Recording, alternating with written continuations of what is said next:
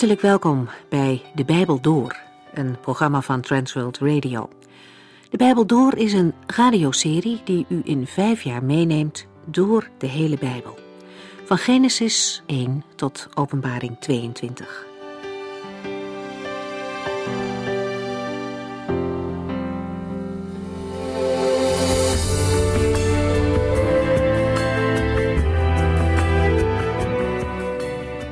Hebben de vorige keer gelezen over de zeven laatste rampen die de aarde zullen treffen voordat het laatste oordeel plaatsvindt. Zeven engelen komen uit de tempel met een gouden schaal, elk vol van Gods toren. Vanuit de tempel geeft een luide stem opdracht om de schalen uit te gieten op aarde. De mensen op aarde die hierdoor getroffen worden, krijgen nog de gelegenheid om zich te bekeren. De oordelen zijn niet alleen straf, maar ook een waarschuwing. Als de eerste engel zijn schaal leegt, heeft dat tot gevolg dat de mensen vreselijke kwaadaardige zweren krijgen. Hun gezondheid wordt ernstig aangetast. Juist datgene wat veel mensen zo belangrijk vinden, raken ze kwijt. Deze plaag doet denken aan de zesde plaag die Egypte trof toen Farao niet wilde buigen voor God. De plaag van de zweren treft de mensen die het merkteken van het beest hebben en zijn beeld aanbidden. Door het uitgieten van de tweede schaal van Gods toren wordt het water van de zee veranderd in bloed. Net als bij de eerste plaag in Egypte het water van de Nijl in bloed werd veranderd. Het gevolg ervan is dat alle leven in de zee, vissen en planten uitsterven. Het is een milieuramp van gigantische omvang. En wat blijft is een smerige, stinkende poel van bloed als van een dode. Nadat de tweede engel zijn schaal over de zee heeft uitgegoten, maakt de derde engel het werk af door zijn schaal uit te gieten over de rest van het water, namelijk de rivieren en de waterbronnen. Het resultaat ervan is dat al het water in bloed verandert. Schoon drinkwater, een basisbehoefte voor de mens, is volkomen verdwenen.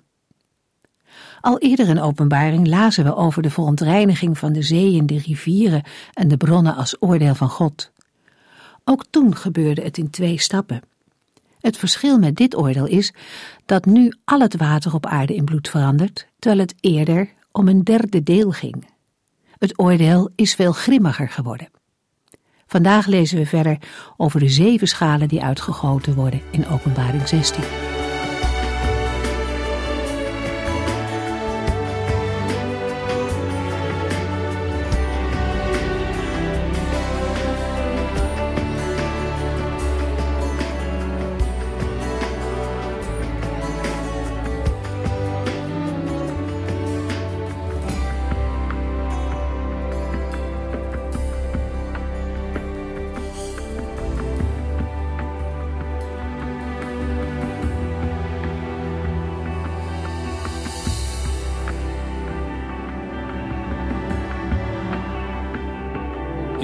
Vorige uitzending lazen we dat de vierde engel zijn schaal uitgoot over de zon.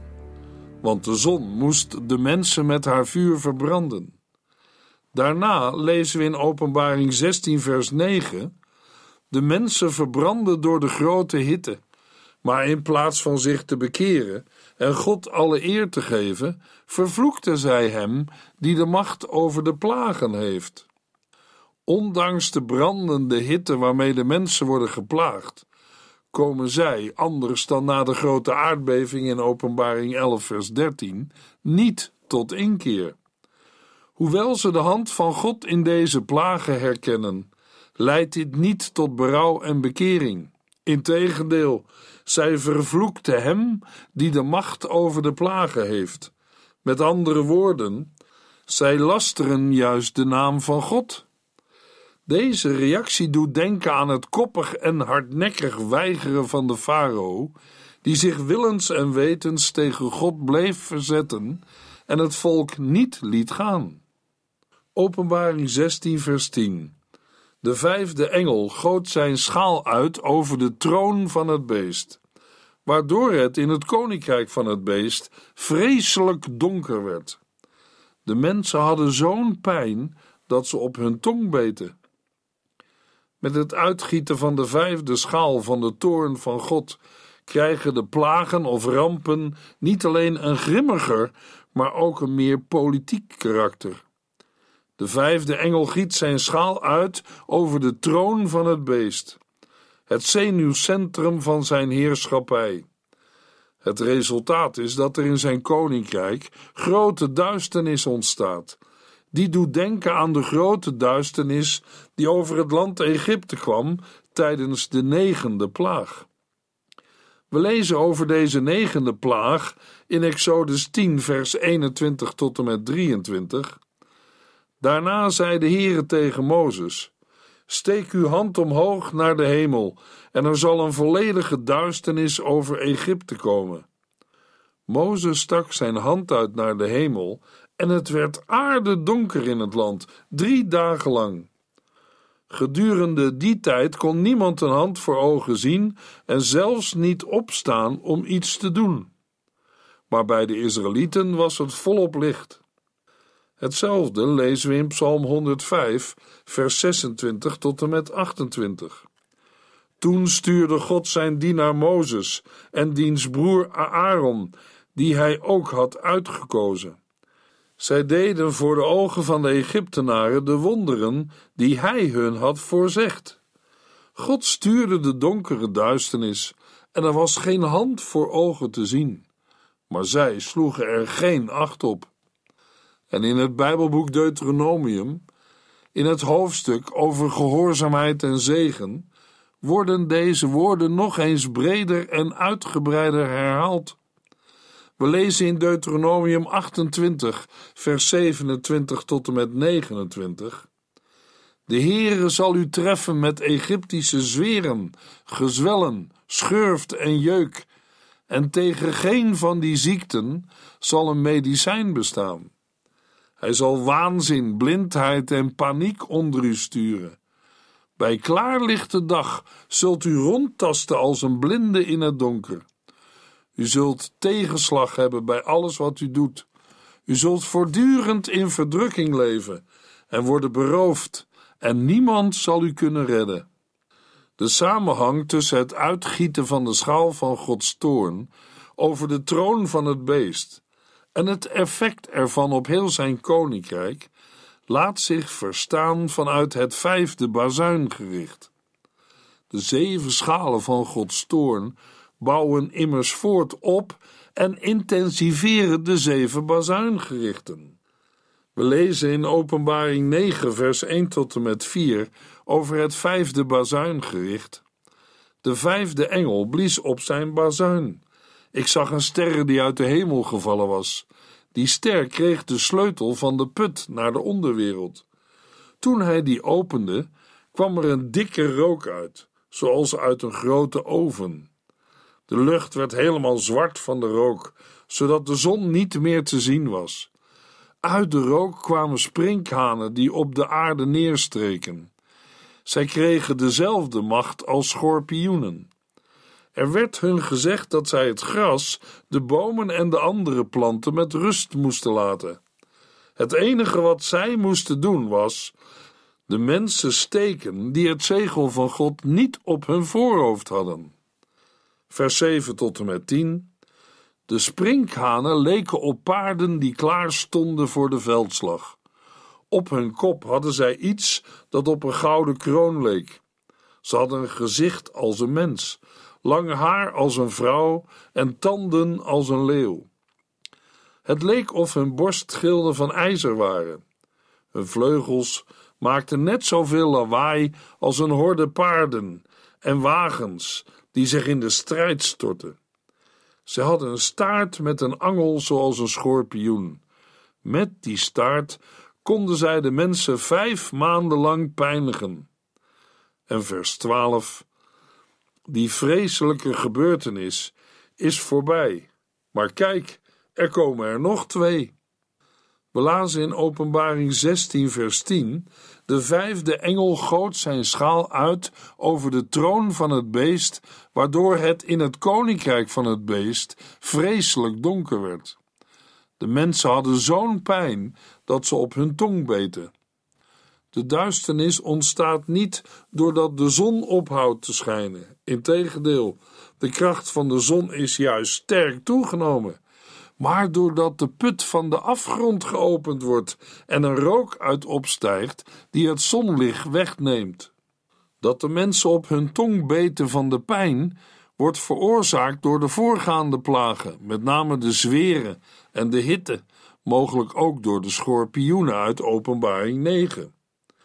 De duisternis verergert de pijn die de mensen doorstaan, isoleert hen van elkaar en veroorzaakt een intense angst. De duisternis is in vers 10 dan ook meer dan de afwezigheid van licht. Het is, net als in hoofdstuk 9, een regelrechte manifestatie van demonische machten. De woorden doen ook denken aan de woorden van de Heere in Jesaja 8 vers 19 tot en met 22. Dus waarom probeert u de toekomst te leren kennen door spiritisme en waarzeggerij? Luister niet naar dat geklets en gemompel. Kunnen de levenden van de doden iets over de toekomst leren?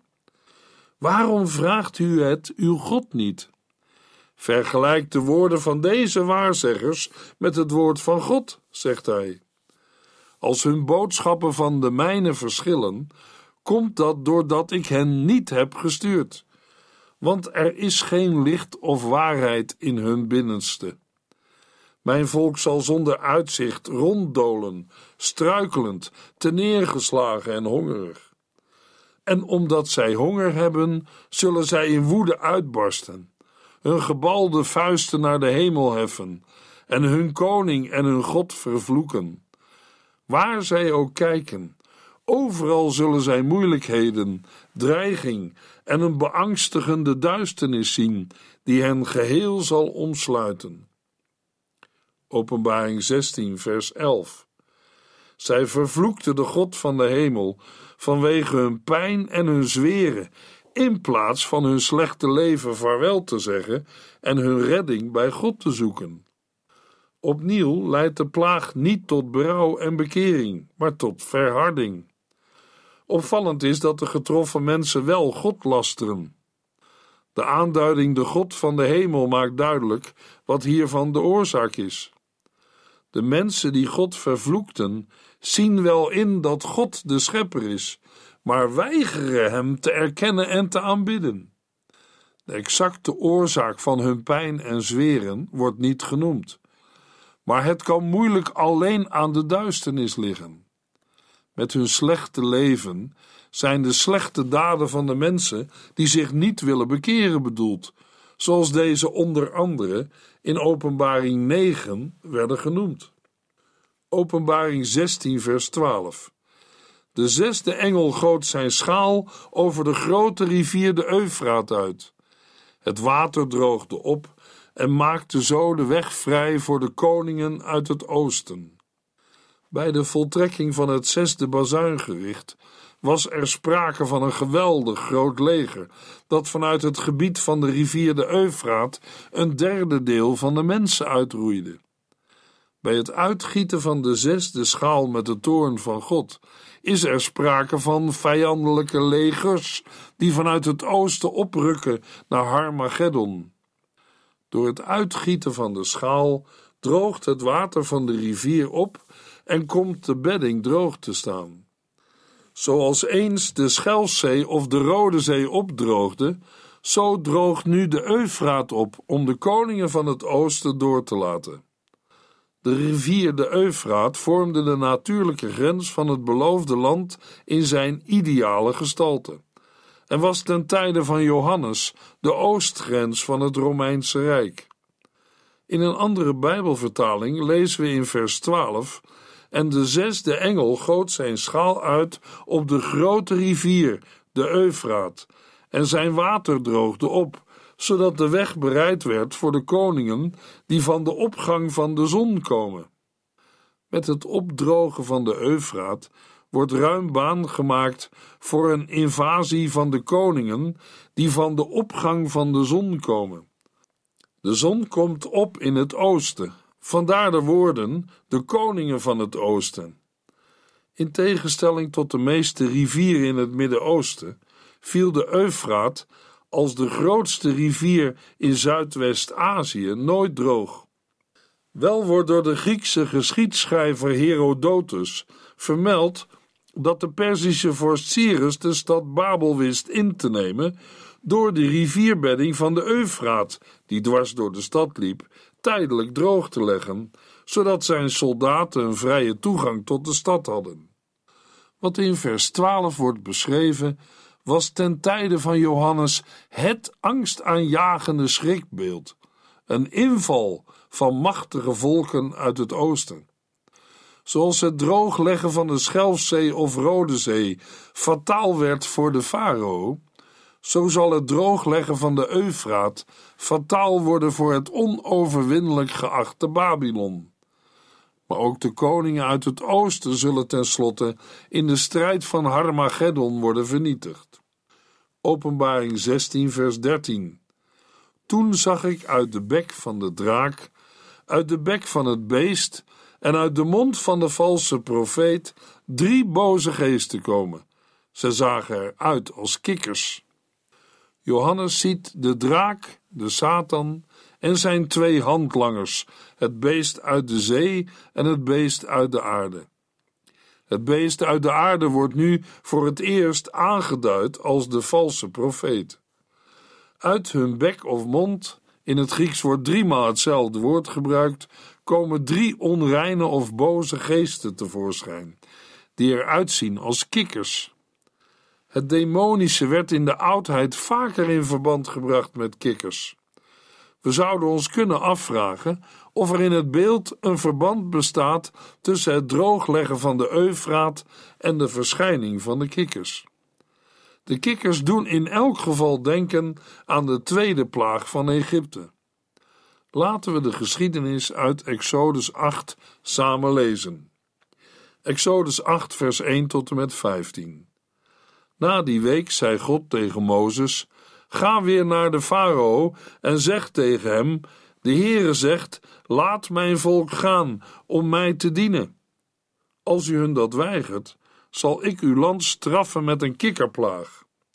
De Nijl zal wemelen van de kikkers, en zij zullen overal komen: in uw huis, uw slaapkamer, uw bed. In alle huizen van uw dienaren en uw volk zult u kikkers vinden, zelfs in de bakovens zullen ze zitten. De kikkers zullen u, uw dienaren en uw onderdanen het leven onmogelijk maken. De Heere vervolgde: Zeg tegen Aaron dat hij zijn arm uitstrekt over de rivieren, de kanalen en de poelen, en dat hij het land laat wemelen van de kikkers. Toen strekte Aaron zijn arm uit over de Egyptische wateren, en de kikkers kwamen van alle kanten opzetten en overstroomden het hele land. Maar de geleerden deden met hun toverkunsten hetzelfde en lieten op hun beurt een golf van kikkers over het land komen. De farao riep Mozes en Aaron bij zich en zei: Bid tot uw God en vraag hem of hij de kikkers wil weghalen. Dan zal ik uw volk laten gaan, zodat zij kunnen offeren. Mozes zei: U moet maar zeggen wanneer u wilt dat ik voor u zal bidden, opdat de kikkers zullen verdwijnen. Alleen in de Nijl zullen dan nog kikkers achterblijven. De farao antwoordde: Doe het morgen. En Mozes zei: Zoals u wilt. U zult dan zien dat niemand gelijk is aan de Heere, onze God. De kikkers zullen u, uw huis, uw dienaren en uw onderdanen met rust laten. Alleen in de Nijl zullen er nog achterblijven. Toen verlieten Mozes en Aaron het paleis van de farao en Mozes bad tot de Heere en vroeg hem de kikkerplaag te beëindigen. De Heere verhoorde Mozes gebed en liet de kikkers sterven. Overal lagen dode kikkers die een vieze stank verspreidden. Ze werden op grote hopen bij elkaar gegooid. Toen de farao echter zag dat de overlast van de kikkers was verdwenen, verhardde hij zijn hart en weigerde het volk te laten gaan, precies zoals de Heer had voorzegd. Er is in Openbaring 16 wel een verschil met de kikkerplaag in Exodus 8. Het gaat in Openbaring 16 niet om een natuurlijke plaag, maar om een manifestatie van demonische machten. Openbaring 16, vers 14. Het waren duivelse geesten die opmerkelijke dingen deden. Zij gingen alle koningen van de aarde langs om hen bijeen te brengen voor de oorlog op de grote dag van de Almachtige God. De drie demonische geesten hebben de opdracht om alle koningen van de aarde, dat wil zeggen, niet alleen de koningen van het oosten, te verzamelen tot de laatste beslissende veldslag, de oorlog op de grote dag van de Almachtige God. En dat wil zeggen, de grote dag van de Heer. Deze strijd, die uitloopt op de nederlaag van het beest en de valse profeet, wordt uitvoerig beschreven in Openbaring 19. De drie boze geesten zijn demonische of duivelse geesten, die net als de draak en zijn handlangers opmerkelijke wonderen deden, om daarmee de koningen van de aarde voor zich te winnen. Openbaring 16, vers 15.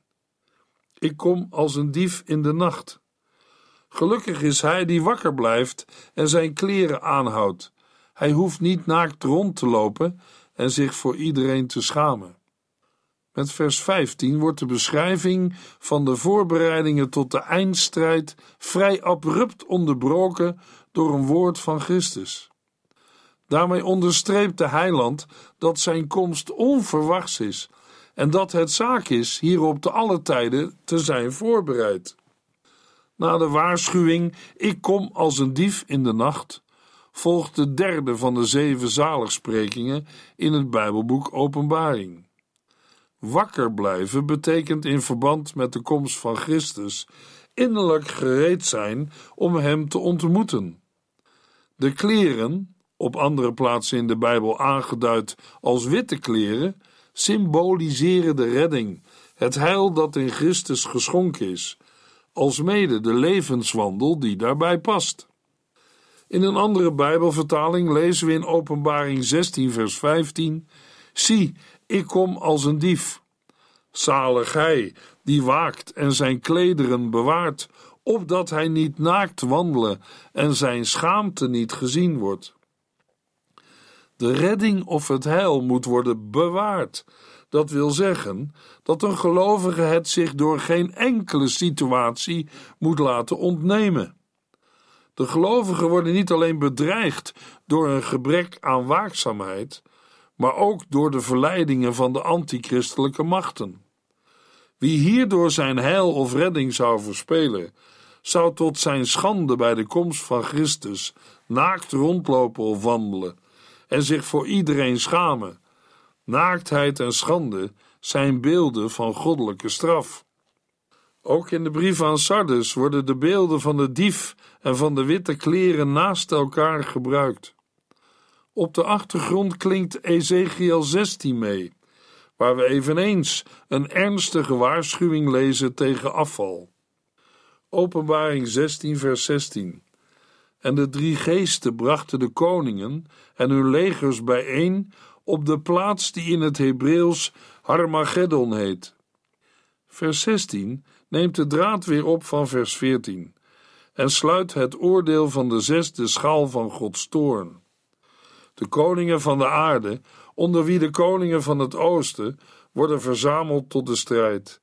En daarmee zijn alle voorbereidingen getroffen voor de uiteindelijke, beslissende strijd tussen de draak en de Messias, die in Openbaring 19 wordt beschreven.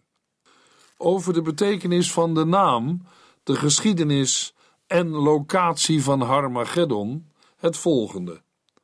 De eigennaam Armageddon wordt in het Nederlands weergegeven met Armageddon of Harmageddon. De meest aannemelijke verklaring van het woord Armageddon is dat het is afgeleid van het Hebreeuwse Har Megiddon, wat berg of gebergte van Megiddo betekent.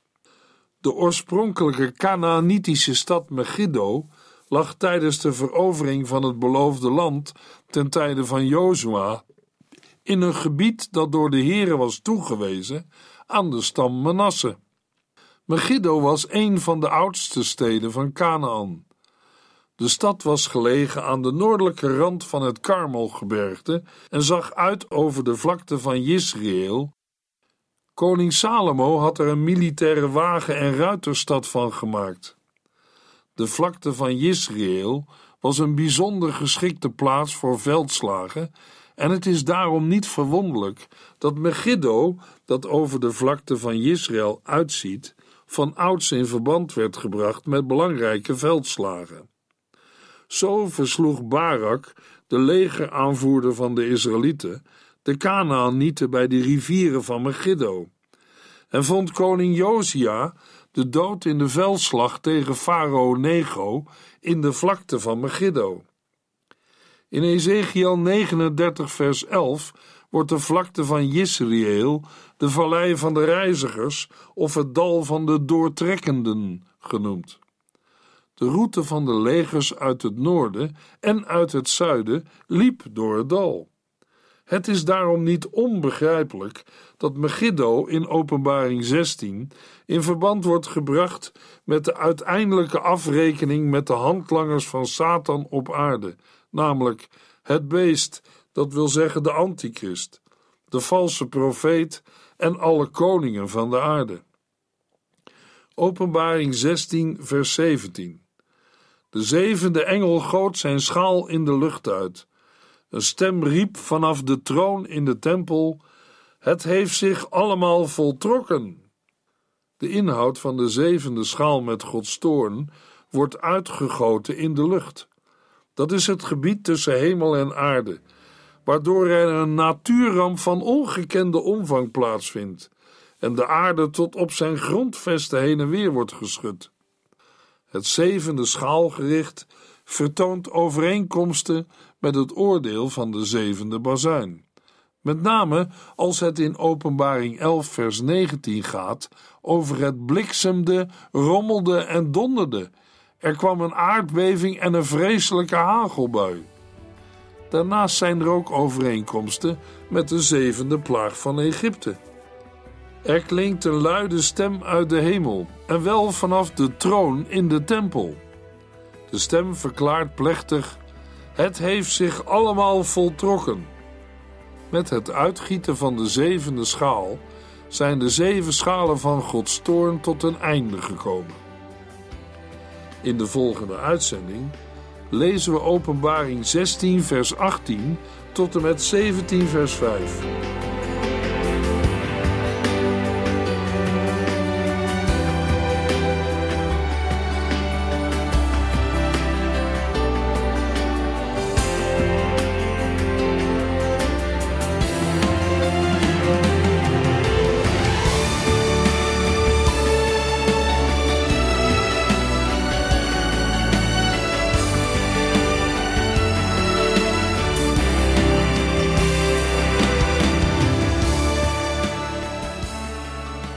Sinds kort kunt u een USB-stick bestellen met alle uitzendingen en de teksten van de Bijbel door.